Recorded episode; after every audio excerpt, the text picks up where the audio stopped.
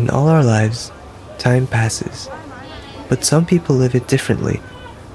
Welcome to Beyond the Clock, where we get insight on how people live across different time zones. Today's city is GMT plus 8 Hong Kong.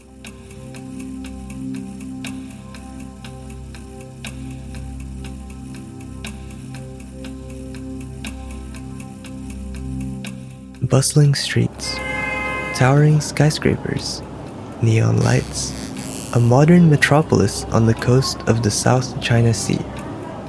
Hong Kong embraces a dual identity with its history of Chinese heritage and British rule. But what is it like to live there? As a cultural hub, it's a place where the East meets the West, where both English and Chinese coexist. It's a place where you could find people speaking English in one side of the room and Cantonese in the other.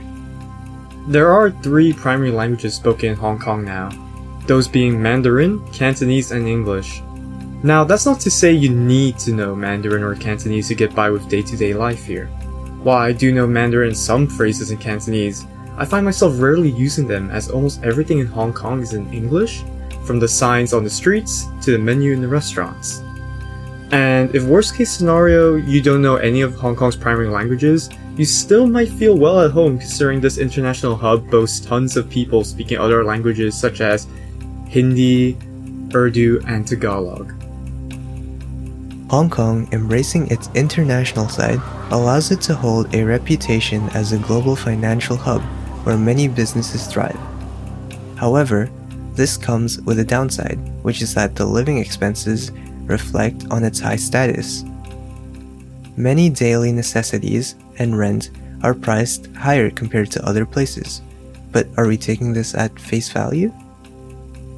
Although the living expenses are high, compared to many Western countries, Hong Kong really isn't too shabby. In fact, the main cause as to why the expenses are high is because of the rent.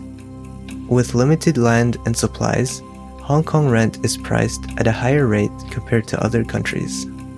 Hong Kong is relatively cheaper in regards to places like France when it comes to food, clothing, and travel. The real difference maker is the rent between these two places. Your typical rent in France can cost you about 700 euros per month for an apartment, of course, while in Hong Kong the rent is about double that if you're lucky. I will say, as alarming as that seems, the cost of living between these two places evens out a bit more when you consider how European countries pay heavier electric and water bills, have value added tax, also known as VAT. And in Hong Kong, our bills are generally cheaper, and we don't have to pay any tax like VAT here whenever we make a purchase at a store. So while at face value, Hong Kong seems more expensive, it really isn't all that different to other developed areas. Despite its small size, Hong Kong has millions of people residing in it and is regarded as one of the most densely populated areas in the world. This dense growing population also contributes to the issue as to why rent is insanely priced. Besides rent, the dense population could also cause challenges to the citizens that affect their day to day lives. So, how does this affect the locals? I've been living in Hong Kong for about 13 years now, but before that, I used to live in Bangladesh, which is actually one of the most, if not the most populated, uh, densely populated country in the world. But there's a huge difference between the two in terms of how it affects a person's daily life.